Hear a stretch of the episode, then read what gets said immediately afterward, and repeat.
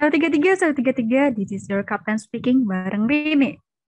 This is your captain speaking uh, dengan seri atau dengan tema COVID Talks. Nah, teman-teman semua pendengar di mana pun kalian berada, kita lagi bareng dua narasumber kita yang keren banget, Kesha Badai, yaitu Kapten Diki Setianto dan juga Kapten Rosa Syafiko. Atau biasanya kita panggilnya Kang Diki dan Kauca. Kita sapa Halo, dulu. halo, halo, halo. Hai, oke. Mungkin kita tanya-tanya kabar dulu kali ini. Halo Kang Diki dulu kali ya. Halo Kang Boleh. Diki, apa kabar tuh? Baik, alhamdulillah dan semoga uh, terus sehat ke depannya ya Amin. semuanya. Halo Kak Ocha, Kak Ocha apa kabar Kak? Ya sehat karena udah nemu temen. Luar biasa, luar biasa. Oke nih, Kemarin sendirian kan, jadi udah sekarang baru ketemu orang jadi makin sehat. Kak Ocha sekarang masih? Enggak, maksudnya aku waktu kemarin kan di Madiun gak ada temen. Karena aku udah di tempat lain. Oh, Kan satu ini kan satu kafe sama Diki. ah, tidak. Jadi kita, kita satu rombongan emang satu inilah. Satu Satu, apa ya uh, satu, satu klaster saya kata gue. Boleh, boleh. Itu menarik banget, ini menarik banget. Nanti bisa diper- ditanyain, oh jadi siapa nih yang kasih dampak buruk gitu? Boleh. Waduh, waduh, waduh, waduh. Ntar blaming lagi kita. Jangan dong. Oke, oke. Om, karena dari tadi kita udah nanya nih kabar, kabar Kang Diko baik, kabar Kak Ocha juga baik. Mungkin kita tanya ke ini kali ya. Eh, sekarang posisi Kang Ocha dan Teh eh Kang Ocha, Waduh, Ocha waduh. Kok ditungkan? mana? Sekarang posisinya lagi di mana? Silakan baca dulu. Boleh, Kak Ocha dulu nih. Karena aku lagi ini, aku udah hijrah. Lagi di Jogja sekarang. Uh, nice. di, di tempat temen sebenarnya. Cuma kampung aku juga di sini, makanya aku bilang ini kan seneng udah ketemu teman. Oh, oh gitu maksudnya. Oke, paham, paham, paham. Kalau Kak Diki masih di Madiun ya? Eh, kok kamu tahu? Karena tadi kita Ya. udah dulu. Oke. eh, jangan di-reveal dong. Iya, jadi aku masih di Madiun. Insya Allah besok pulang lah ya ke Bandung. Oh, besok banget. Besok banget, insya Allah. Akhirnya Uh, Akhirnya, yay! bareng semua di Alhamdulillah. Tapi kenapa besok banget? Ya, kebetulan memang beli tiketnya besok ya hari ini ya. Atau kamu mau ngegantiin gitu uangnya terus mau beli tiket baru juga boleh lah. Ya, barangkali gara-gara podcastnya malam ini, terus langsung semangat gitu loh. Untuk semangat ya. Ya, pengen ngasih tahu Aduh, keluarga. aku hari ini podcast, besok aku ingin pulang. Nggak ada, nggak ada yang kayak gitu tuh nggak ada. Rin. Oh, nggak ada ya? Nggak ada. Oke, oke. Sekarang kita masuk nih ke pertanyaan dari podcast kita pada malam hari ini. Teman-teman, eh, eh, asal kalian tahu ya, asal banget gitu. Eh, teman-teman di mana pun kalian berada, kita lagi podcastnya di malam hari ya teman-teman. Tepatnya jam 19.30 baru mulainya. Kemudian kita akan masuk ke pertanyaan pertama, yaitu kita langsung aja Ding, nih ding, ding, ding, ding, ding, ding, ding. nanya kepada ekstran computers kita eh, kira-kira apa tuh sebab atau awal mulanya Kang Dikoy dan Teh Ocha kena atau bisa dibilang itu positif nih misal gara-gara kafe atau gara-gara ngapel ke rumah doi misal nih misal banget nih ya ya oke kita mulai dari Teh Ocha dulu kali ya Iya, harus dari aku dulu. Kalau Diki nanti agak ke skip gitu oh, ceritanya. iya. Ah, betul. Biar sesuai timeline gitu. sudah diatur ya? Oke boleh boleh boleh. Jadi kan ya udah sesuai timeline ya. Emang nggak tahu ya gue eh gue aku ini sih awalnya tuh aku duluan emang. Bergejala waktu itu demam eh awalnya pusing dulu pusing terus demam. Akhirnya selang berapa hari ya em, sekitar setengah minggu ya mungkin empat empat atau lima hari abis itu tes. Karena kan di hari kelima tuh udah anosmia. Jadi kayak ah udah nggak nyium apa apa nih udah susah lah nyium apa apa terus baru aku tes antigen dan ternyata dinyatakan positif hari itunya terus habis itu lanjut ada teman kita satu lagi adik siapa tuh siapa tuh ya adalah mungkin Oh, ini ya. Boleh di spill ya namanya. kita juga gitu Oh. Ya, dari aku juga karena sekosan kan. Mhm. terus baru ini gimana dik ceritanya Boleh. Ya kalau ditanya alasan kenanya juga kita nggak tahu ya karena eh, nggak bisa di tracing juga. Jadi eh, aku nggak bisa mastiin lah ya. Intinya tuh ada eh, banyak faktor yang yang aku pikirkan itu bisa jadi kemungkinan eh, jadi alasan aku kena.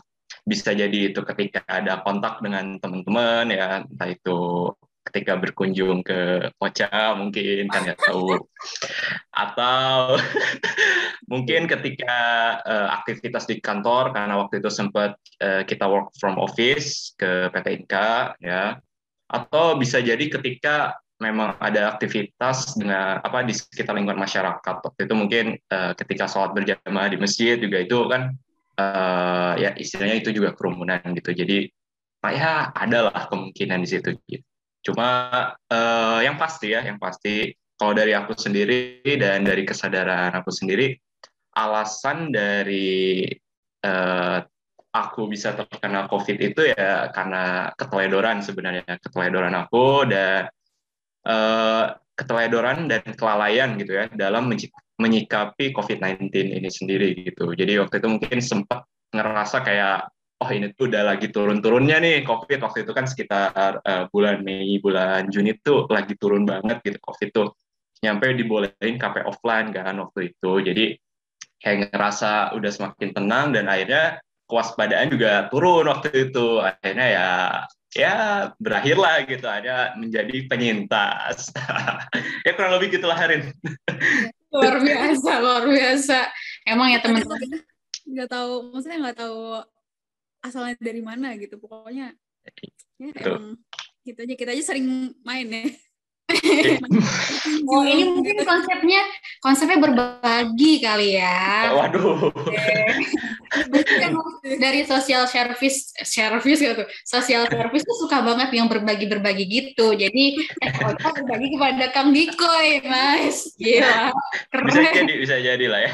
kita Oh, jadi seminggu lah ya dik seminggu ya berarti oh, bedanya tuh seminggu ya, Kak? Bedanya seminggu. Jadi waktu itu tuh Ocha belum sempat work from office ya. Waktu itu sekitar tanggal 14 ya. Ocha tuh udah nggak masuk hari pertama. Oh, Setelah setelah itu langsung diliburin. kayak kantor tuh udah udah kalian WFA ya WFA. kayak itu, itu sebenarnya agak lucu tapi kayak langsung panik wah Ocha kena. Terus yang sekosan sama Ocha nya masuk kantor, terus berkontak dengan saya gitu ya. Ya dan emang udah mulai apa ya ketika besoknya tuh aku udah mulai ada gejala sih sebenarnya waktu itu udah kayak tiba-tiba kayak semacam radang tenggorokan tapi nggak batuk kering sih lebih ke batuk berdahak waktu itu ya Oke. gitu sih Oke, berarti kita bisa masuk ke next pertanyaan ini. Sebenarnya pertanyaan yang kedua ini itu udah sedikit-sedikit di spill-spill di jawaban yang pertama tadi. Yang pertama kita mau tanya kapan nih tepatnya eh, Kang Dikoy dan Teh Ocha itu dinyatakan positif. Eh, masih ingat gak tuh? Misalnya di bulan Mei gitu atau beberapa minggu yang lalu. Kemudian gejala apa sih eh, yang eh, dialami oleh Kang Diki dan Teh Ocha ini? Kan setiap orang tuh gejalanya beda-beda ya. Jadi boleh mungkin boleh nih kita bandingin gejalanya. Boleh silahkan. Dari Kang Dikoy dulu. Oke, dari aku ya. Tadi ngelanjutin yang tadi nih ya, berarti ya. Oke, eh, mungkin itu berarti sekitar tanggal 15 Juni lah ya, itu udah mulai kerasa eh, kayak tenggorokan nih kayak ada panas dalam gitu waktu itu tuh. Terus eh, mungkin berselang 2 sampai 3 hari itu batuk berdahak, tapi setelahnya tuh ya udah aja gitu, itu sembuh. Nah, berlanjut ke gejala-gejala yang lain. Contohnya waktu itu tuh eh, ada demam demam sedikit sama pegal-pegal waktu itu. Tapi itu nggak berlangsung lama juga, sekitar sehari. Nah, jadi waktu itu juga aku masih eh, apa ya mikir kayak, waduh ini gejala COVID kah? Atau mungkin gejala dari yang lain gitu, demam biasa gitu mungkin. Nah, ternyata ketika hari selanjutnya, ketika udah nggak demam, tiba-tiba eh, aku coba nyium, aku coba makan, itu tuh udah kayak nggak ada rasa, nggak ada bau gitu ya. Alias eh, ya aku juga mengalami gejala yang namanya anosmia ini gitu ya, Eh, kehilangan kemampuan untuk eh, mencium gitu. Nah itu tuh Nah, uh, gejala yang paling jadi indikator aku waktu itu kayak, wah udah ini sih kayak fix banget gitu kena kena COVID waktu itu sampai uh, dan apa ya aku juga nggak mau nggak berani mengambil kesimpulan sendiri. Jadi aku coba nanya ke temen yang memang orang tuanya dokter pada saat itu. Dan uh, kayak temen juga udah kayak pasrah ngomongnya udahlah dik. Kayak udahlah. Aku udah kayak aku juga uh, oke. Okay. tapi berusaha nggak panik dan tetap stay positif waktu itu. Udah udah iya. nah akhirnya uh, memang dijadwalkan pada saat itu hari Jumat kalau nggak salah ya. Itu bertepatan ketika anosmia juga uh, ada tes PCR uh, eh, istilahnya tracing dari kantor dari PT Inka. Dan akhirnya keluar hasilnya itu pada tanggal uh, sekitar tanggal berapa ya itu ya? Pada hari minggunya kalau nggak salah. Itu tuh dinyatakan ternyata uh, positif dan nilai CT-nya itu uh, kalau buat yang uh, mulut itu 21 koma dan yang tenggorokan juga 20-an gitu lah. Terus akhirnya ah ya udah berarti emang fix positif banget. nice, nice, nice ya ceritanya teman-teman nice gitu. Gila. Uh, tapi yeah. kalau dilihat-lihat sebenarnya uh, kalau dari gejalanya Kang Koin nggak terlalu berat ya sebenarnya nggak sampai sesak nafas kan ya Kang? Iya, benar banget. Uh, jadi memang waktu itu juga uh, ketika dicek saturasi oksigennya juga masih di ambang yang dinilai bagus gitu ya.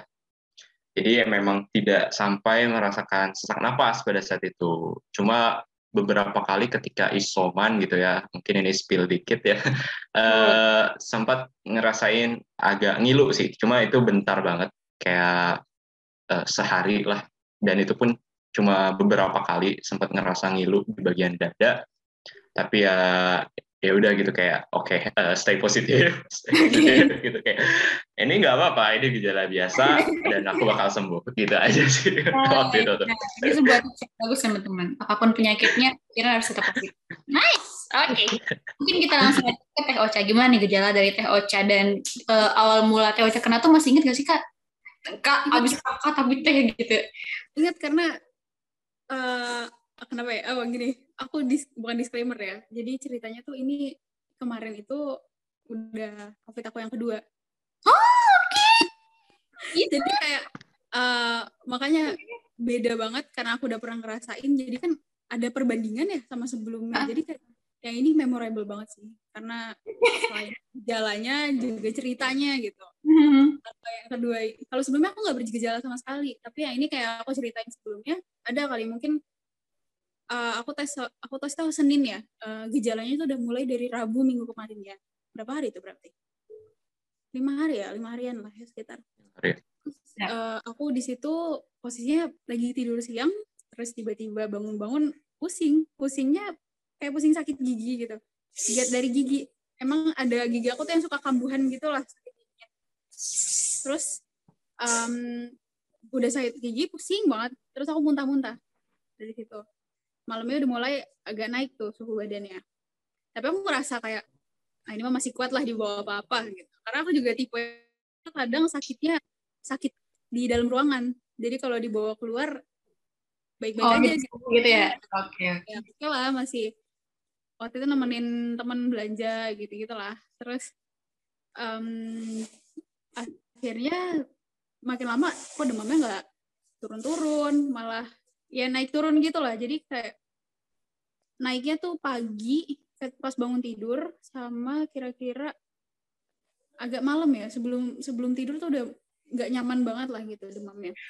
Buat batuknya sebenarnya nggak belum terlalu parah. Sampai sebelum di tes aku tesnya tes mandiri. Karena waktu itu kan aku pertama kali ya belum ada tracing. Oke oke okay, okay, benar. Yang tuh antigen di kimia farma uh, ternyata positif. Oh ya antigennya tuh setelah aku baru sadar oh ini udah anosmia nih udah nyium tuh bisa ya. Sebenarnya mungkin kalau ada yang anosmia mungkin 100% kali. Ini mungkin masih kayak 95% jadi misalnya aku waktu itu ngetesnya pakai parfum gitu ya. Aku cium deket-deket masih ada tapi lama-lama hilang. Aneh banget. Jadi oh udah fix lah ini. Kita tes aja lah buat jaga-jaga gitu kan. Terus begitu di tes positif tuh kayak kecewa gitu loh. Pas lagi lihat hasilnya hah kok positif lagi? Di lubang yang sama ya? Oke. Okay. terus um, udah gitu setelah itu ini itu mungkin kayak itu belum terlalu parah ya karena aku tipe yang kalau sakit tetap makan lahap gitu bukan yang kayak sakit nggak mau makan Iya, aku juga kayak gitu tahu. Iya kan, ada yang kayak gitu, ada yang beneran gak mau makan gitu. Aku alhamdulillahnya lancar kalau makan. Cuma, aku tunggu makin parah setelah sakit tenggorokan, susah nelen kan, susah nelen dan mual banget. Aku nyium, walaupun nggak bisa nyium, tapi ada kan, aku bilang 95, 90 persen, 95 persen lah anosmianya. Jadi nyium apa pun tuh rasanya kayak bau makanan nih. Baunya tuh kayak nggak enak gitu lah, kayak telur busuk, kayak apalah, kayak kayak makanan udah lama, nggak enak banget kan. Mulai gak nafsu makan nggak bisa nelen udah di situ udah aku tahu aku parah ininya maksudnya lebih parah daripada biasanya ya mungkin kalau dibandingin sama gejala covid yang parah aku termasuk yang ringan ke sedang lah ya nggak nggak parah-parah banget terus mulailah batuk-batuk batuk kering kalau misalnya batuk tuh suka sampai mual terus habis akhirnya senin kan aku ketahuan positif hari kamisnya aku ke rumah sakit dirawat di rumah sakit di infus lah segala macam gitu. Nah di rumah sakit tuh baru um, sempat saturasi oksigennya turun. Terus aku sempat pakai selang oksigen kira-kira dua tiga hari lah. Oh. Tapi volume kecil ya, apa namanya? Uh, apa sih istilahnya ya? Alirannya tuh kecil lah, nggak yang gede, nggak yang karena emang nggak terlalu ini sih terlalu parah turunnya. Terus habis itu udah habis habis setelah pakai oksigen terus habis itu dapat perawatan alhamdulillah berangsur langsung baik. Anosmianya juga nggak lama terus kira-kira aku dari 8 hari di rumah sakit yang ada gejalanya cuma setengah hari setengah masa pertama kali kira-kira tiga empat hari lah. Selebihnya udah nggak bergejala. Kayak gitu. Wow ternyata emang berbeda ya teman-teman ada yang punya gejala berat ada yang gejalanya ringan Uh, tapi untung nih, untung banget sekarang udah dilalui masa-masa kritis tersebut ya. Oke. Okay. Yeay. Alhamdulillah. Alhamdulillah. Oke, okay, kita bisa uh, masuk ke next pertanyaan selanjutnya nih teman-teman. Um, pertanyaannya adalah ini lumayan menarik nih. Jadi kan setelah dinyatakan positif pasti ada perubahan-perubahan kan yang terjadi dalam hidup kita. Kita banget gak tuh yang So Kapten, ya. Kapten Ocha doang sebenarnya. Kan banyak perubahan tuh dari mulai nggak bisa aktivitas atau perubahan fisik seperti yang dinyatakan tadi adanya gejala eh, gejala-gejala ya yang mengganggu juga gitu. Kemudian ada gak sih hal-hal yang menarik gitu yang terjadi dalam kehidupan kehidupan? Misalnya nih dianggap aib jadinya diusir dari rumah. Maksudnya isoman gitu isoman. Gitu. Ada gak sih? Boleh nih diceritain dari Kak Diki dulu kali. Aku ya, boleh. Uh, jadi masih ngelanjut dari yang tadi juga sebenarnya yang udah di-spill. Jadi uh, waktu hari Minggu 21 Juni itu aku dinyatain uh, positif, itu aku langsung kayak ditelepon dari sana sini dari Inka, Mas Diki kamu positif, Mas Diki. Wah itu kayak telepon dari mana-mana. Uh, udah kayak berasa orang terkenal, orang sibuk gitu loh. nah itu tuh uh, ditelepon dengan tujuan emang dari PT Inka-nya ngedata terus kayak dari koordinatornya nanya e, Mas Diki ini mau dirawat di mana pada saat itu kan e, apakah mau di EMT ya jadi EMT ini adalah suatu fasilitas medik khusus gitu ya dari uh, PT Inka ya atau EMT ini singkatan dari Emergency Medical Train sebenarnya. Oh, okay. Penasaran nggak kenapa disebut medical train gitu ya? Nanti mungkin akan aku jelasin. Oh, okay. uh, akhirnya aku uh, milih oh yaudah di MT aja karena ini juga nggak terlalu berat uh, daripada ngabisin uh, space orang orang-orang yang mungkin gejalanya lebih berat dari aku dan lebih membutuhkan fasilitas di rumah sakit gitu. Akhirnya aku memutuskan masuk EMT ya atau Emergency Medical Trainnya Inka itu juga nggak sendiri sebenarnya waktu itu bareng temen ya, yang juga KP di PT Inka ya waktu itu jadi berdua dan kami sama-sama penyintas akhirnya masuk ke situ. Awalnya uh, ini ya apa uh, sempat kaget gitu. Karena dari koordinatornya bilang ya oke okay, nanti dijemput ya sekitar lima menit lagi. Oh cepet banget kata aku. Lima menit, menit. belum juga siap-siap gitu kan waktu itu tuh. Kayak Bener, mau bawa baju atau bawa laptop atau apa gitu kan. Akhirnya eh, oke pak eh, dijemput pakai apa ya? Eh, aku sempat nanya tuh oh pakai ambulan shock langsung wah ambulan kayak seriusan pak ambulan banget takutnya kan maksudnya eh, menarik perhatian warga sekitar gitu kan Iya. dan eh, takutnya masih dianggap aib dan sebagainya gitu si COVID-19 ini. Eh, akhirnya ya udah disiasati lah. Oke pak, nanti nunggu aja di depan gang gitu. Nanti kami akan langsung ke depan gitu. Dan ya udah, dijemputlah bener pakai ambulannya eh, EMT ini dari PT Inka. Terus Oke. udah eh, akhirnya aku awalnya ngira PT Inka eh apa EMT PT Inka tuh di mana ini si emergency medical train tuh di mana fasilitasnya. Aku kira tuh bakal jauh banget gitu ya. Ternyata di sebelahnya kantor PT Inka gitu. Bener-bener sebelahnya kayak ah deket banget. Oke. itu unexpected. Terus ya udah ketika udah masuk sana itu langsung eh, cek ya cek rutin kayak tekanan darah terus suhu eh, dan juga eh, saturasi oksigen waktu itu. Terus eh, dikasih perlengkapan gitu ya. Akhirnya di eh, di situ aku sadar akhirnya kenapa dia disebut emergency medical train gitu. Karena dia literally bener-bener kereta ya jadi aku dirawat isoman di kereta gitu ya Ih, ih kok lucu banget. Iya, jadi memang ini fasilitasnya sesuai namanya, dia emergency dan akhirnya dari PT Inka sendiri mungkin ya eh, itu menyisihkan suatu gerbong ya, eh, suatu kereta gitu ya intinya. Itu tuh kayaknya kereta eh, listrik mungkin ya yang biasa buat ngebawa penumpang jarak dekat Mhm. sebenarnya itu. Nah akhirnya eh aku ngelihat dia di situ fasilitas fasilitasnya cukup memadai gitu ya. Awal datang ke sana tuh ini jadi itu tuh sebenarnya nggak cuma kereta aja Rin. Jadi sebenarnya itu di luarnya tuh ada kayak meja-meja buat makan, terus ada TV, di luarnya ada fasilitas olahraga juga gitu. Ada buat Nice. pingpong sama basket waktu itu. Pingpong Eh, banget gak tuh? Iya, cuma space-nya memang nggak nggak selebar itu ya. Cuma ya alhamdulillah lah ya fasilitasnya itu bagus sih menurut aku. Terus saya eh, udah, terus ditunjukin eh, kamarnya di mana. Akhirnya masuk ke suatu gerbong, kalau nggak salah waktu itu gerbong 7 waktu itu ya. Udah benar-benar kayak mau perjalanan aja tuh masuk kereta. Ke gerbong 7 bareng teman aku yang sama-sama penyintas itu. Ah, akhirnya kami milih eh, kasur yang paling pojok waktu itu di gerbong 7 berdua gitu kan. Ya udah, jadi ternyata di dalam satu gerbong itu ada sekitar ya tujuh kasur waktu itu. Ya tujuh kasur buat tujuh pasien tentunya. Jadi sempat aku eh, mempertanyakan kayak isoman kan harusnya ya terisolir sendiri nggak sih? Benar-benar. Terus ini eh, ada tujuh kasur yang bersebelahan dengan jarak yang bahkan nggak nyampe satu meter kayaknya ya, nggak nyampe dua meter lah Oh. itu jadi eh, apa ya satu fakta yang cukup unik gitu dari isoman yang yang di EMT.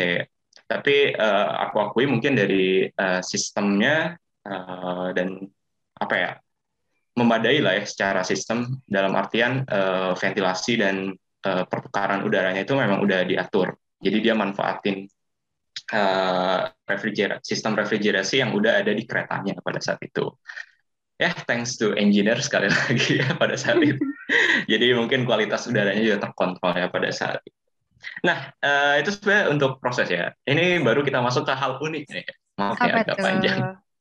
Hal uniknya sebenarnya eh, apa ya? Itu kan lingkungan situ tuh mungkin juga nanti ditambahin sama Ocha kali ya. Ini spill dikit sebenarnya Ocha nanti masuk ke EMT juga nih. Ya, ya. Oh ya, belum spill aja, spill.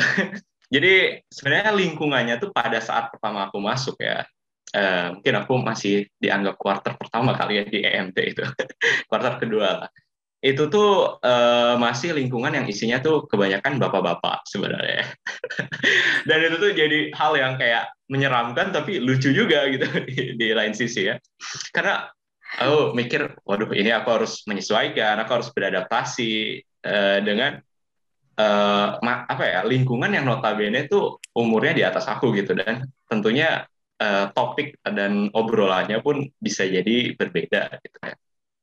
Nah, itu jadi hal unik karena akhirnya ya udah uh, aku coba berbaur, aku coba beradaptasi di sana kan. berbaur dengan kehidupan uh, bapak-bapak ini gitu, bapak-bapak lifestyle gitu kan. Kayak uh, waktu itu tuh sering nonton dangdut ketika di luar sambil makan, terus aku ya ikut aja gitu, enjoy aja sambil makan nonton dangdut. Lucu, lucu, lucu, lucu. Oke, okay, oke. Okay. Ah ya, dangdutnya tuh lagu bahasa Jawa lagi gitu. Kayak aku ya senyum-senyum aja sambil dengerin sambil makan gitu.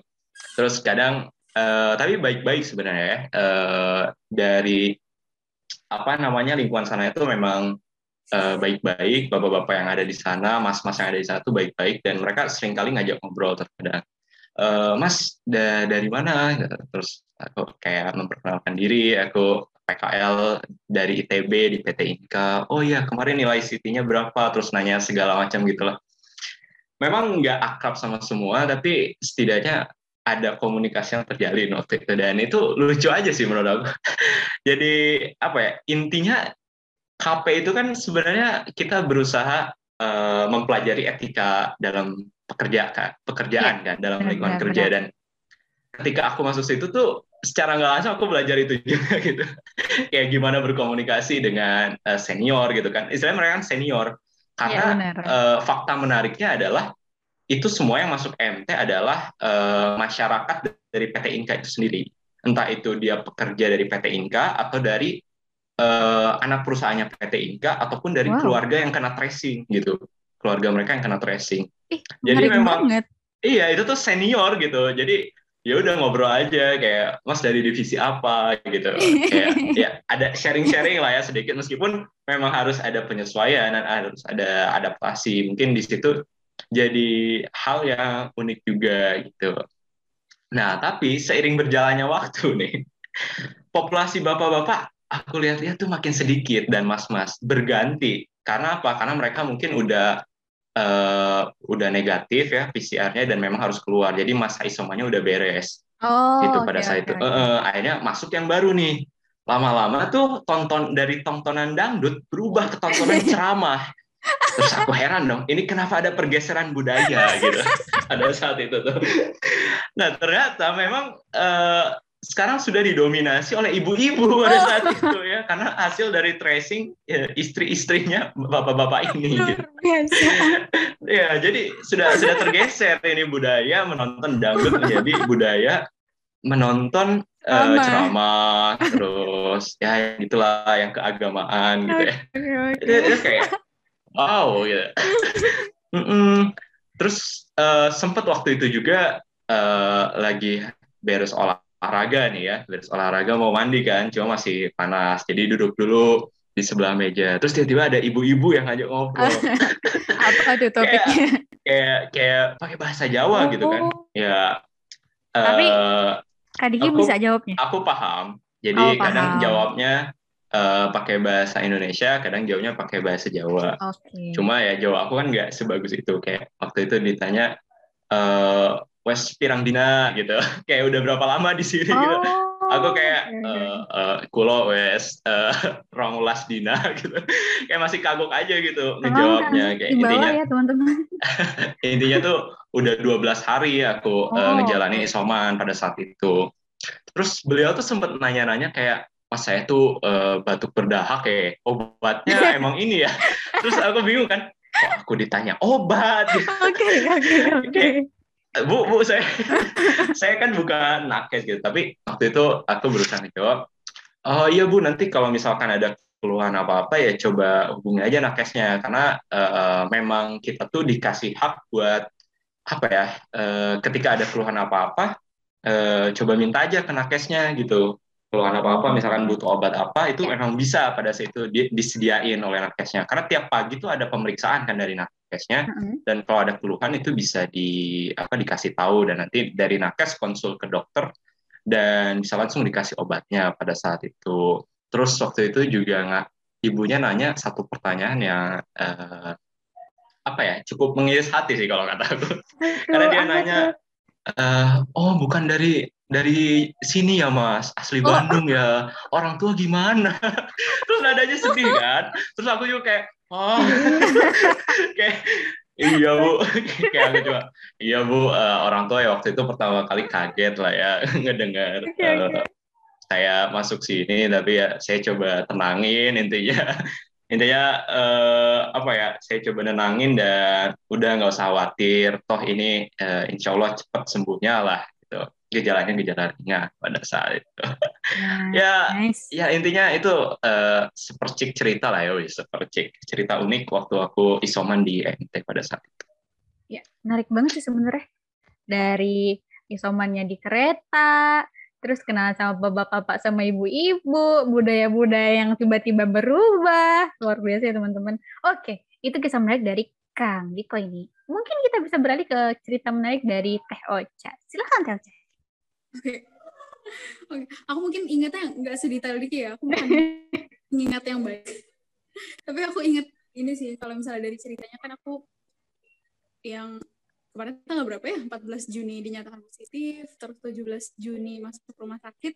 Iya. Aku sempat pindah ruangan dua kali. Alasannya masih kenapa tuh? di uh, renovasi. Oh, oke oke. Di ruang VIP-nya gitu, yang satu kamar satu orang. Terus habis itu dipindah ke yang sekamar berdua, ketemu ibu-ibu. Oke. Jadi dipindah ke bangsal yang emang Ibu-ibu meresahkan ya. Oke. buat isolasi COVID. Nah di situ tuh uh, aku satu ruangan empat orang dan semuanya ibu-ibu yang udah tua gitu, Oke. yang nggak sepuh banget sih. Oke. Tiga orang nih, dua tiga orang selain aku, duanya ibu-ibu yang udah punya cucu tapi masih muda, bukan masih muda, maksudnya cucunya masih kecil gitu. Terus habis itu yang satu lagi emang udah sepuh sampai dia awal masuk tuh nggak bisa nelen gitu loh. Oh. Jadi kadang malam-malam suka kedengeran entah batuk-batuknya, mu- muntahnya atau gimana gitu. Nah tapi uh, kan aku satu-satunya muda di situ ya. Terus Iya, benar. jadi kadang suka ditanyain, mungkin satu pengalaman sama Diki ya ditanyain kayak, Mbak ini kok gini ya? Kan di kita sama-sama di infus ya. Terus kapan yang infus kan suka kadang darahnya arus balik gitu. Apa sih Iya. namanya? Naik gitu ya darahnya. Nah, ditanyain, Mbak ini ini nggak apa-apa Mbak? Iya Bu nggak apa-apa. Sampai berkali-kali nanyanya. Terus kayak itu lucu sih karena apa ya? Maksudnya jadinya aku aku merasa jadi yang paling paham gitu ya, tapi nggak nggak ngerti gitu kan ya. Jadi kayak karena kalau diinget-inget lucu juga aja. Terus kadang merasa bete, tapi setelah keluar dari rumah sakit kangen juga gitu. Ditanyain sama ibu-ibu itu. itu sempat bikin grup WhatsApp gak kak? Ya? Oh, Enggak. Fun fact, ibu-ibu sebelah aku tuh nggak punya HP Aha. Gak punya HP yang smartphone jadi waktu itu HP-nya masih yang biasa lah Ya, yang tenak-tenak ya. tombol yang Iya. apa, Nokia yang lama gitu kan makanya ngelihat benar-benar. aku aku nonton YouTube kan ya kadang kalau sambil makan biar nggak bosen gitu terus ibunya komen nggak nggak bosen ibunya komen kayak TV ya mbak? Enak gitu. Ya Allah. Oke, oke. aku antara sedih pengen ngajak nonton tapi juga nggak se aku tidak merasa se humble itu. Maksudnya nggak enak juga kan kayak eh bu sini mari nonton bareng gitu. Harusnya Terus gitu kan gitu. diajakin ngobar, harusnya diajakin, diajakin ngobar bareng. ternyata kayak ibunya juga nggak pengen nonton cuma oh ya udah kayak TV ya mbak. Terus udah dari situ aku 8 atau 9 hari aku lupa. Terus ya tadi udah di spill sama Diki aku pindah ke IMT ke kereta itu juga. Tapi ceritanya tuh cukup membuat aku exhausted kali ya. Jadi kayak aku sempat sel oh, sorry selesai dirawat itu kan di swab dulu ya biar aman tuh kalau pulang gitu kan dinyatakan Ya, harus dinyatakan negatif dulu. Aku kira kan udah di swab udah bolehin pulang berarti udah negatif kan ternyata turns out aku masih positif. Tapi dikasih tahunya telat banget telat banget pas aku udah pesen hotel buat isolasi lanjutan. Jadi, Oh, aku emang belum berani balik dulu walaupun aku udah nyata negatif belum berani balik ke kosan karena ini kan ada ibu kos ada keluarga yang punya kos lah gitu. Jadi kayak nggak enak juga gitu kalau misalnya balik. Jadi rencana emang sekitar lima malam mungkin di luar eh tapi ternyata aku masih positif terus habis itu padahal sebelumnya aku udah nolak dari INT dari Inkadik jadi aku tuh udah ditawarin ini mau lanjut isolasi di mana mau di apa namanya mau lanjut di kosan apa di IMT gitu. Oh Iya. saya sudah ini Pak pesan hotel buat isolasi lanjutan. Tapi Oke. ternyata masih positif. Akhirnya aku dilarang. Kebayang gak sih kalian udah siap banget pulang dari pagi? Aha. Dari pagi, sebabnya pagi-pagi sekitar jam 6 ya. Orang malah jam 5, 5 sampai 6 gitu lah. Udah dibilangin boleh pulang, udah siap-siap. Terus habis itu ternyata masih positif. Padahal kalian udah packing, udah semangat pulang, udah berencana ntar di hotel mau gimana. Terus apa namanya, dan bahkan udah pesen hotelnya yang nggak bisa di refund. Tahu lah ya, travel traveloka kan ada yang nggak bisa di refund kan. Aku Iya, benar. pede aja gitu kan mau pulang. Terus habis itu akhirnya karena udah terlanjur nolak ke IMT, jadi aku hubungin lagi gitu. Hubungin lagi sampai dibolak-balik gitu Rin.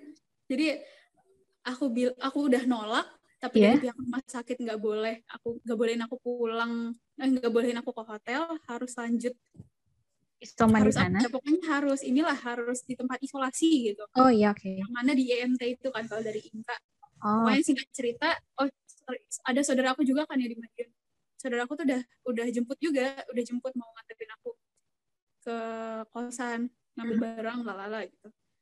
Dan beliau ini sampai disuruh udah disuruh pulang lagi gitu. Karena aku emang nggak bener-bener nggak dibolehin ke mana-mana selain ke IMT ya itu kecewa banget. Aku marah. Capek capek marah kecewa. Campur-campur lah. Makanya itu mungkin ini ya kayak jadinya mungkin aku terdengar kasar gitu ya ke pihak inkanya. Tapi itu totally karena aku kecewa ya. Perasaan campur-campur itulah.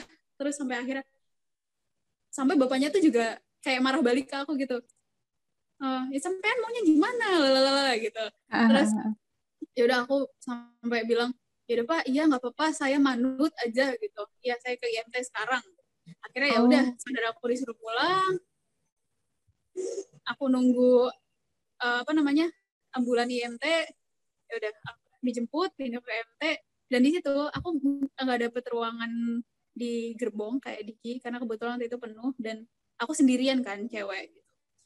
jadi waktu itu dibuka ruangan baru yang khusus cewek. Dan di situ tuh waktu itu kondisinya masih pengungsian kayak cuma ruangan ada karpet bawah sama kasurnya di bawah gitu disediain Oh, bantal sama spray. Padahal kalau misalnya di gerbong itu kan ada ranjang rumah sakit. Iya benar.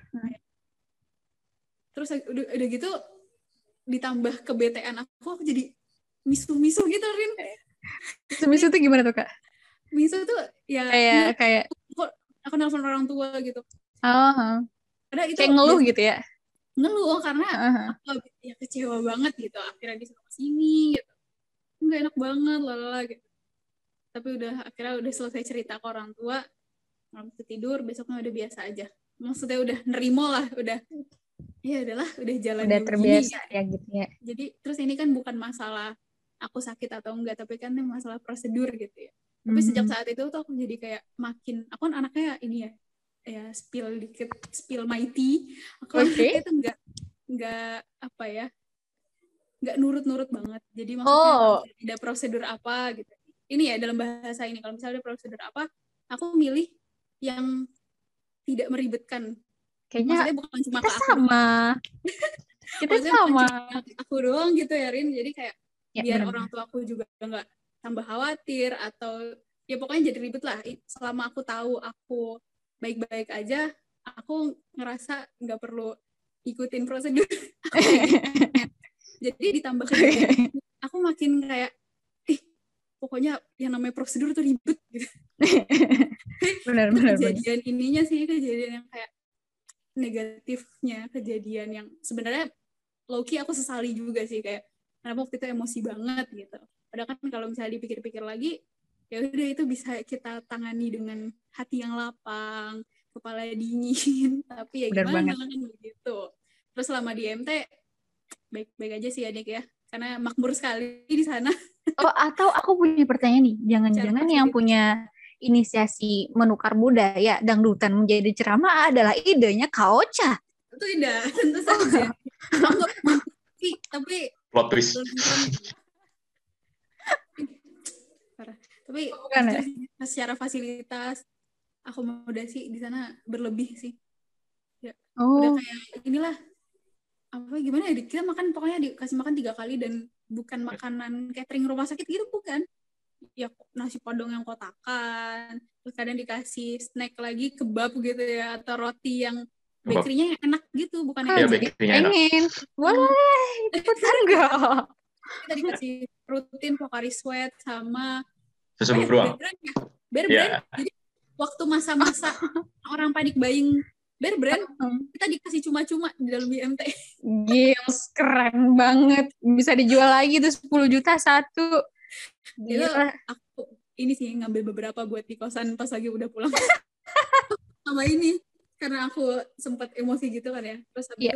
itu cerita ke Bu Esti besoknya. Pas udah lumayan tenang lah. Terus eh, akhirnya karena Bu Esti juga ngerti aku udah diisolasi di rumah sakit lama gitu ya. Aku juga ngebayanginnya aduh di MT bakal lama lagi nih sampai 10 hari lagi. Terus akhirnya dikasih inilah dibantu biar aku tuh swabnya dipercepat jadwal PCR -nya dipercepat jadi waktu itu Diki dan temannya belum di dapat jadwal PCR aku yang baru di sana tiga hari udah langsung di PCR dan alhamdulillah negatif Alhamdulillah. lama-lama lah di sana Iya, benar-benar kekuatan orang dalam itu luar biasa ya. Ibu dengar ini terima kasih banyak ya ibu Waduh, terima kasih Bu Esti. Terima kasih Bu Esti. Oke, luar biasa ya. ternyata dari pengalaman-pengalaman Kak Diki dan Kak Ocha itu lumayan berbeda ya. Kalau mungkin Kak Diki itu lebih lebih banyak yang enak-enaknya gitu yang diceritainnya. Sedangkan Kak Ocha tuh banyak juga kendala-kendalanya dan gak enaknya. Tapi begitulah kehidupan teman-teman tidak selalu senang dan kita hanya bisa melaluinya. Gils, Gils, Gils. So bijak tapi tidak tidak bagus. Boleh, boleh, boleh. masuk kok masuk Oke oke boleh. Oke. Oke, kita boleh nih masuk ke pertanyaan selanjutnya. Pertanyaan selanjutnya itu, oh jadi setelah dilihat-lihat, dilihat-lihat, setelah dilalui gitu, eh, Kak Diki dan Kak Ocha itu berapa lama sih eh, sebenarnya kena positifnya itu? Itu kan orang ada beda-beda tuh, ada yang cuma minggu, ada yang 10 hari, ada yang 12 minggu, ada sampai yang satu bulan tapi belum belum juga negatif. Boleh dari Kak Ocha dulu. aku ini hitung ya pokoknya aku Tapi kan Ocha dua kali ya? Ocha dua kali. Kalau yang waktu pertama deh, yang waktu pertama dulu. oh yang pertama itu mau waktu ini di waktu itu aku masih di Bandung dan itu udah bulan Maret Oh, waktu awal banget. sorry Maret 2000 tahun ini Oh, 2021. bukan Maret lalu Oh, gitu. iya. Masa aku nyebarin. Kalau Maret tahun lalu nyebarin. Oke. Oke, oke, oke. Enggak. Enggak kok, Maret tahun ini. Dan itu tuh lumayan deket sebenarnya. Waktu itu cuma, waktu itu kan aku nggak sama sekali nggak bergejala. Diawasin sama puskesmas juga, seperti pasien-pasien yang lain. Karena aku, ya udah isoman di rumah, di kontrakan aja. Waktu itu di kontrakan di Bandung. Jadi aku set- 14 hari aku nggak dapet tracing lagi misalnya maksudnya nggak dapet kayak fasilitas buat memastikan aku negatif jadi aku waktu itu antigen dan itu negatif kira-kira dua minggu lah aku ngepasin sih dua minggu aku antigen ternyata alhamdulillah udah negatif karena emang sama sekali nggak bergejala dan mungkin aja sebenarnya bakal nyampe dua minggu tapi ya kita jaga Oh iya benar-benar. Aku nggak tahu tuh pastinya kapan. Itu bulan Maret. Tiga bulan kemudian, bulan Juni, ketahuan positif 14 Juni. Belum terhitung kalau misalnya sebelumnya udah positif ya. Iya, Pokoknya benar. dia pastinya yang pasti 14 Juni. Sampai aku dinyatakan negatif tuh suratnya tanggal 29 Juni. Berapa lama tuh berarti? Dua mingguan ya lumayan. Ya, 16 hari lah ya. Iya. Tapi yang unik adalah aku nggak pernah dikasih hasil city value. Dikit dikasih kan. Aku nggak tahu kenapa gitu. Maksudnya aku aku padahal selalu minta yang mana itu ini ini aku menjawab yang sebelumnya lagi. Iya, boleh, boleh, lagi. boleh, boleh. ya mana tuh karena aku nggak pernah dikasih city value apalagi pas lagi keterangan udah negatif. Iya. Mempersulit aku bikin surat keterangan waktu itu kan aku aku kan sekarang udah di Jogja ya. Iya, benar. itu mau naik kendaraan kan mesti bikin surat aku kan belum bisa vaksin kan berarti ya? Karena baru Aha. bisa tiga. bikin surat keterangan belum bisa vaksin tuh. Tapi kan aku nggak punya bukti city value-nya kalau aku negatif gitu ya. Cuma ada surat keterangan negatif dari income gitu. Ya itu bermasalah tuh. Karena aku nggak punya buktinya gitu. Nggak pernah nggak punya bukti laboratorium kalau aku sudah negatif waktu itu. Jadi gimana sih? Kayak agak nyebelin juga gitu. Kayak padahal aku udah minta dan aku juga dengar-dengar kabarnya orang-orang tuh dikasih tahu city value-nya tapi aku nggak pernah dikasih baik dari rumah sakit ketika aku keluar rumah sakit ataupun dari Inka aku Hmm. nggak tahu itu aneh banget Alasannya apa ya? cuma dikasih keterangan udah negatif Tapi Iya. akhirnya kakak bisa ini, bisa pulang pakai surat keterangan tapi itu. bisa karena waktu itu Ada orang dalam? Oh enggak. Pas aku minta surat keterangan kan dari dokter spesialis ya. waktu itu aku paru beliau cuma bilang ini sih saya nggak bisa jamin ya eh, surat nih diterima sama pihak sana soalnya saya juga nggak tahu ini aturannya gimana aku dimarahin lagi guys saya aku merasa itu bukan kesalahan gue ya orang aku nggak dikasih gitu Iya benar benar benar benar. ternyata bukti surat keterangan negatif nggak cukup tapi alhamdulillah beliau tetap bikinin gitu jadi Oke. itu tapi nggak bilang saya nggak bakal bikinin gitu Mhm. tuh jadi aku Oke. kira IM gitu lumayan Oke. lama sih kemarin Lumayan ya. Dua kali juga gitu ya. Kenapa bisa ya? Bukannya harus kalau di kalau di logika aku tuh aku pikirnya gini. eh, misalnya kan udah kena sekali, artinya tuh udah udah itu kan virus udah masuk ke tubuh dan udah imun Eh, ada imun juga kan. Terus kalau misalnya kena kedua kali, kalaupun misalnya kena harusnya gejalanya lebih ringan. Tapi kauce tuh lebih berat dari yang pertama. itu dia aku nggak tahu sih ya ya mungkin antara varian yang berbeda Oh, atau ya. yang pertama itu cuma aku aku bukan di bukan seuzon di covid kan sih ya cuma Mhm. kayak ya udah cuma apa ya sisa sisa aja atau gimana jadi nggak nyampe kena kekebalan tubuh Oh iya. cuma tetap di pas dites positif Oke, oke. Oke, begitu kira-kira Oh, dari kauce nih. Lumayan ya, yang pertama itu eh semingguan ya, Kak? Terus yang kedua itu ada Dua ya 16. Oh, dua minggu ya, dua minggu. Terus yang kedua dua ada minggu aku 16 jaga harian. jaga Oh iya, benar. Oke, mungkin dari Kak Diki nih. Kak Diki gimana tuh? Berapa lama tuh, Kak? Kalau aku pas isoman sih dihitung-hitung 13 hari ya. Kalau dari surat keterangannya itu eh, karena keluarnya 3 Juli 2021 dan itu juga keluarnya karena udah dites PCR lagi dan dinyatakan negatif. Cuma emang pas tes PCR yang terakhir tuh eh, nggak dikasih dokumennya pada saat itu memang. Jadi emang itu agak menyebalkan dan agak jadi trouble sih sejujurnya, terutama untuk orang-orang yang belum vaksin dan butuh surat untuk eh, berpergian gitu ya, pulang Nah, ya, itu menyebalkan sejujurnya. Eh, Oke, itu cuma men-highlight yang tadi sudah disampaikan. Dan kalau untuk gejalanya itu sendiri sebenarnya udah hilang sejak lima hari atau 5 sampai tujuh hari eh, pas isoman. Jadi anosmianya udah hilang. Cuma pada saat itu rasa yang pertama kali terasa adalah rasa pahit. Jadi itu agak bete sih sebenarnya. Jadi senang udah bisa kerasa tapi langsung pahit. Langsung yang kerasanya tuh makanan pahit gitu. Jadi ya gitulah. itu juga fun fact juga ya berarti. kalau aku habis anosmia ini yang paling kerasa manis Manis. Enak Tapi- banget. manis juga nggak enak ya Enak. aja gitu jadi misalnya ada makanan yang seharusnya ya dia punya rasa manis tapi harusnya Iya. manisnya seimbang tapi di lidah aku tuh jadi manisnya tuh makin Berlebihan. manis. iya berlebih jadi nggak nggak enak Kayak juga kayak aku gitu ya, kayak berlebihan manisnya Kayak gitu. gitu juga sih Oh, aduh, aduh, aduh, aduh, aduh.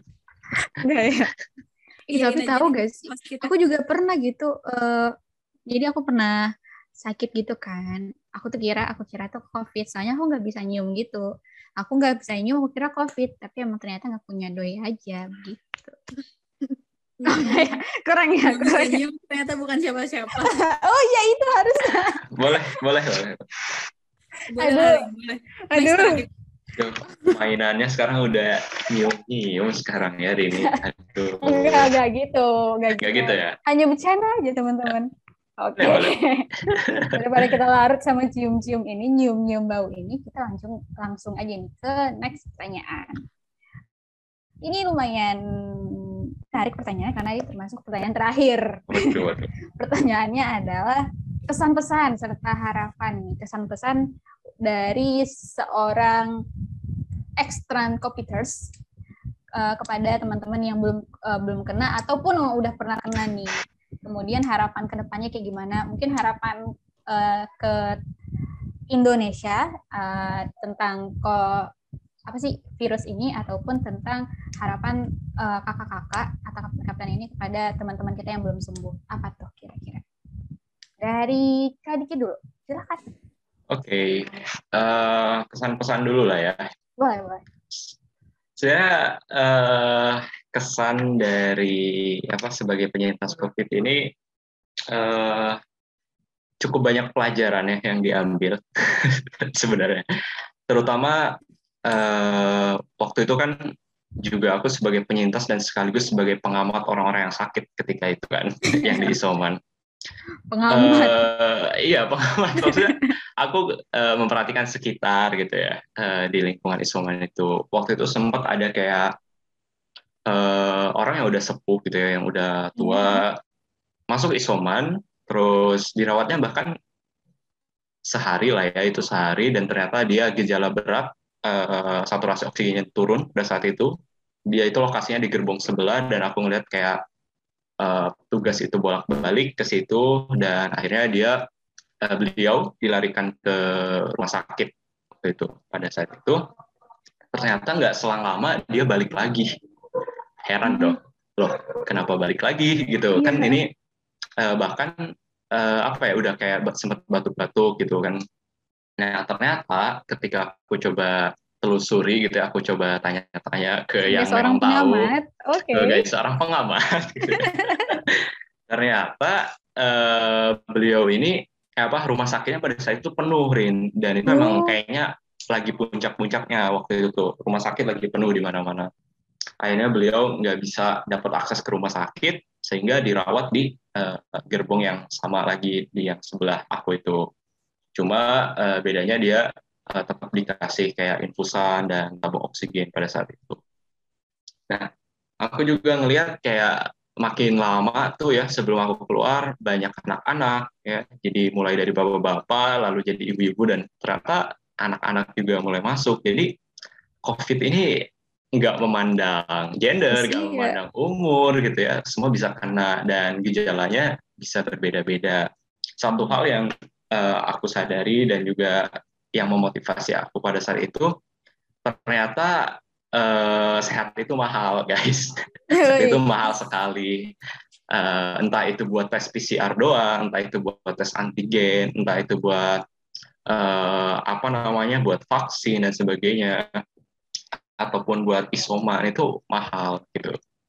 Dan artinya apa? Artinya uh, kadang orang itu tidak apa ya uh, belum bisa menghargai sesuatu sampai sesuatu itu hilang gitu dari dirinya gitu. Salah satunya adalah kesehatan. Kesehatan ini jadi yes. satu satu apa ya satu nikmat yang kadang orang tuh nggak sadar kalau itu tuh nikmat nikmat banget sehat itu nikmat sekali guys sampai uh, apa ya sampai pada akhirnya uh, kamu ada di situasi uh, di ranjang rumah sakit dan akhirnya ngelihat sekitar kayak wah aku lagi sakit wah ternyata uh, ada nikmat-nikmat yang tidak aku syukuri dan akhirnya itu dicabut sementara gitu contohnya ketika anosmia bayangkan kalian anosmia nggak bisa mencium nggak bisa merasa kalian makan indomie indomie yang sebegitu nikmat dengan penuh micin kalian ngerasa itu kayak mie polos basah Oke okay, oke. Okay. Nikmat mana lagi gitu ya yang engkau dustakan gitu kan ya. Eh. Kayak itu tuh uh, jadi hal yang benar-benar pelajaran banget pada saat itu. Kayak oh ya berarti memang kita tuh sebagai hamba kurang bersyukur. jadi aku waktu itu merasa sangat berterima kasih juga. Jadi ini salah satu efek positif sebagai penyintas COVID itu mendapat banyak pelajaran juga sebenarnya pelajaran kehidupan terutama ya salah satunya tadi yang udah uh, aku kasih tahu gitu itu buat pesan ya terus kalau buat uh, pesan kali ya untuk para uh, penyintas di luar sana ya.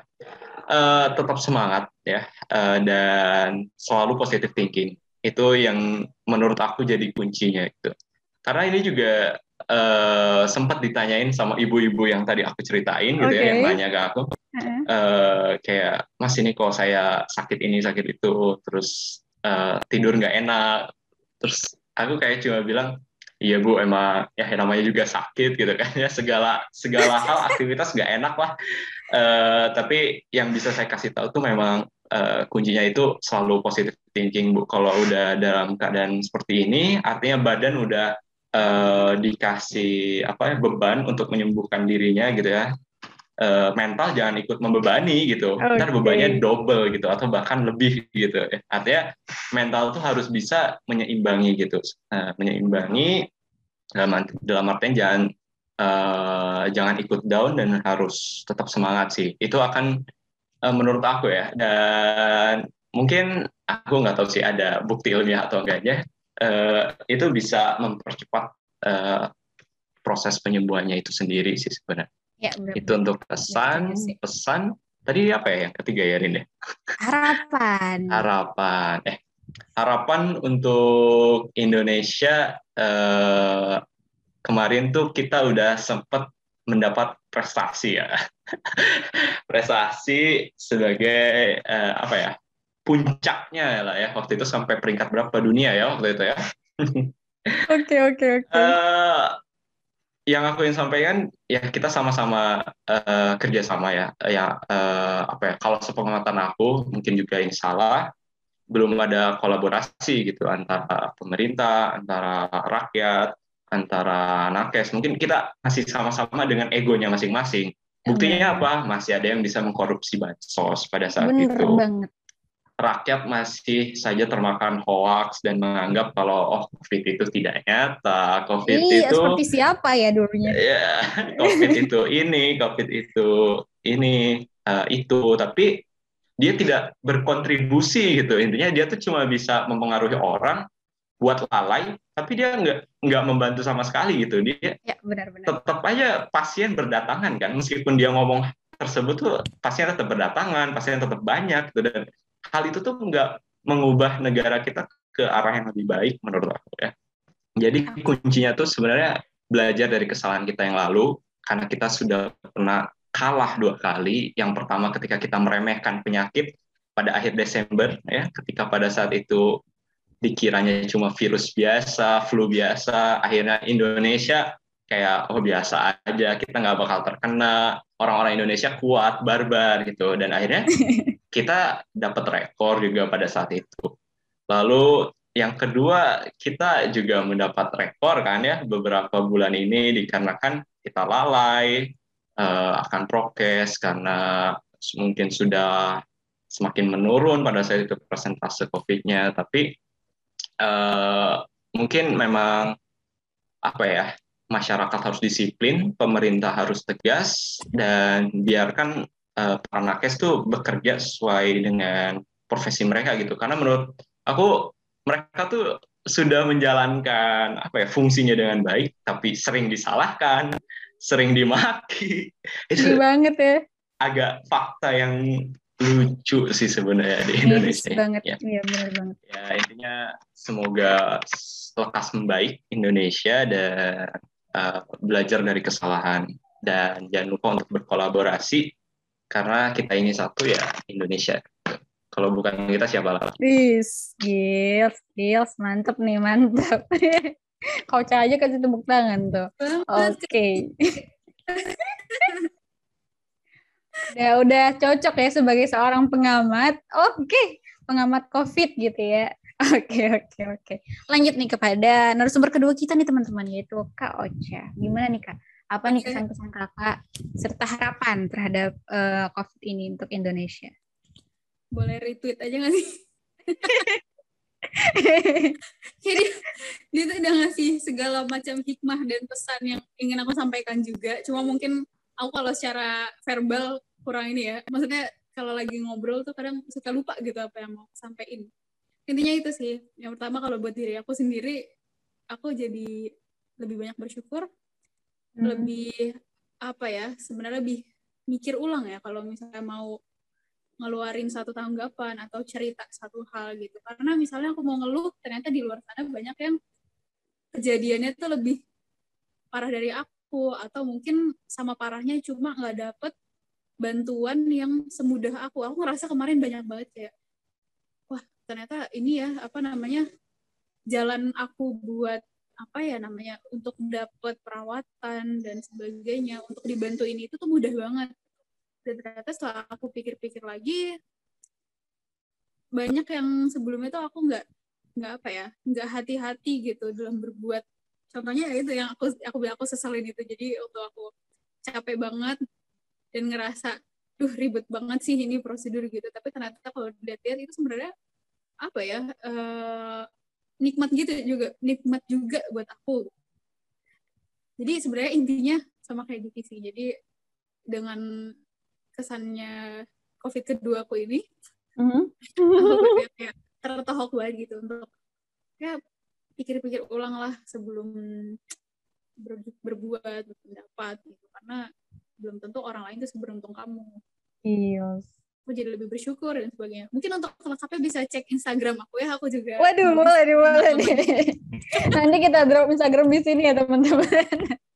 Enggak deh, sebenarnya itu juga nggak banyak cerita juga sih. Pokoknya hmm. intinya cuma kilas singkat terus sama kayak ya cuma apa ya keinginanku aja untuk sedikit berbagi gitu. Walaupun mungkin nggak terlalu full of hikmah gitu ya, tapi ya buat aku sendiri itu bersyukur dan banyak menengok orang lain lagi. Pesannya? Benar-benar ya. berpesan. Kalau pesannya, aku sebenarnya jujur aja aku bukan aku ada di orang yang di tengah-tengah gitu kali ya. Aku bukan yang manut banget sama bukan manut banget. Aku tuh taat banget sama protokol kesehatan. Mm -hmm. Cuma aku nggak yang setakut itu anaknya. Jadi kadang oh, iya, aku masih bandel untuk jalan-jalan. Tapi tolong ini banget buat buat teman-teman yang mungkin merasa udah kena dua kali kayak aku. Oh, terkena dua kali. Atau yang sudah vaksin dua dosis atau mungkin tiga dosis buat nakes. Tetap aja di mana pun itu protokol kesehatan tuh penting banget. Walaupun kamu uh, tidak tidak terlalu parno sama COVID kayak aku walaupun udah kena dua kali, tapi itulah tetap dijaga sih protokol kesehatan itu. Aku menghormati orang-orang yang ini ya, yang menganggap COVID itu biasa aja, walaupun emang banyak kasus kalau di beberapa kasus emang parah banget gitu.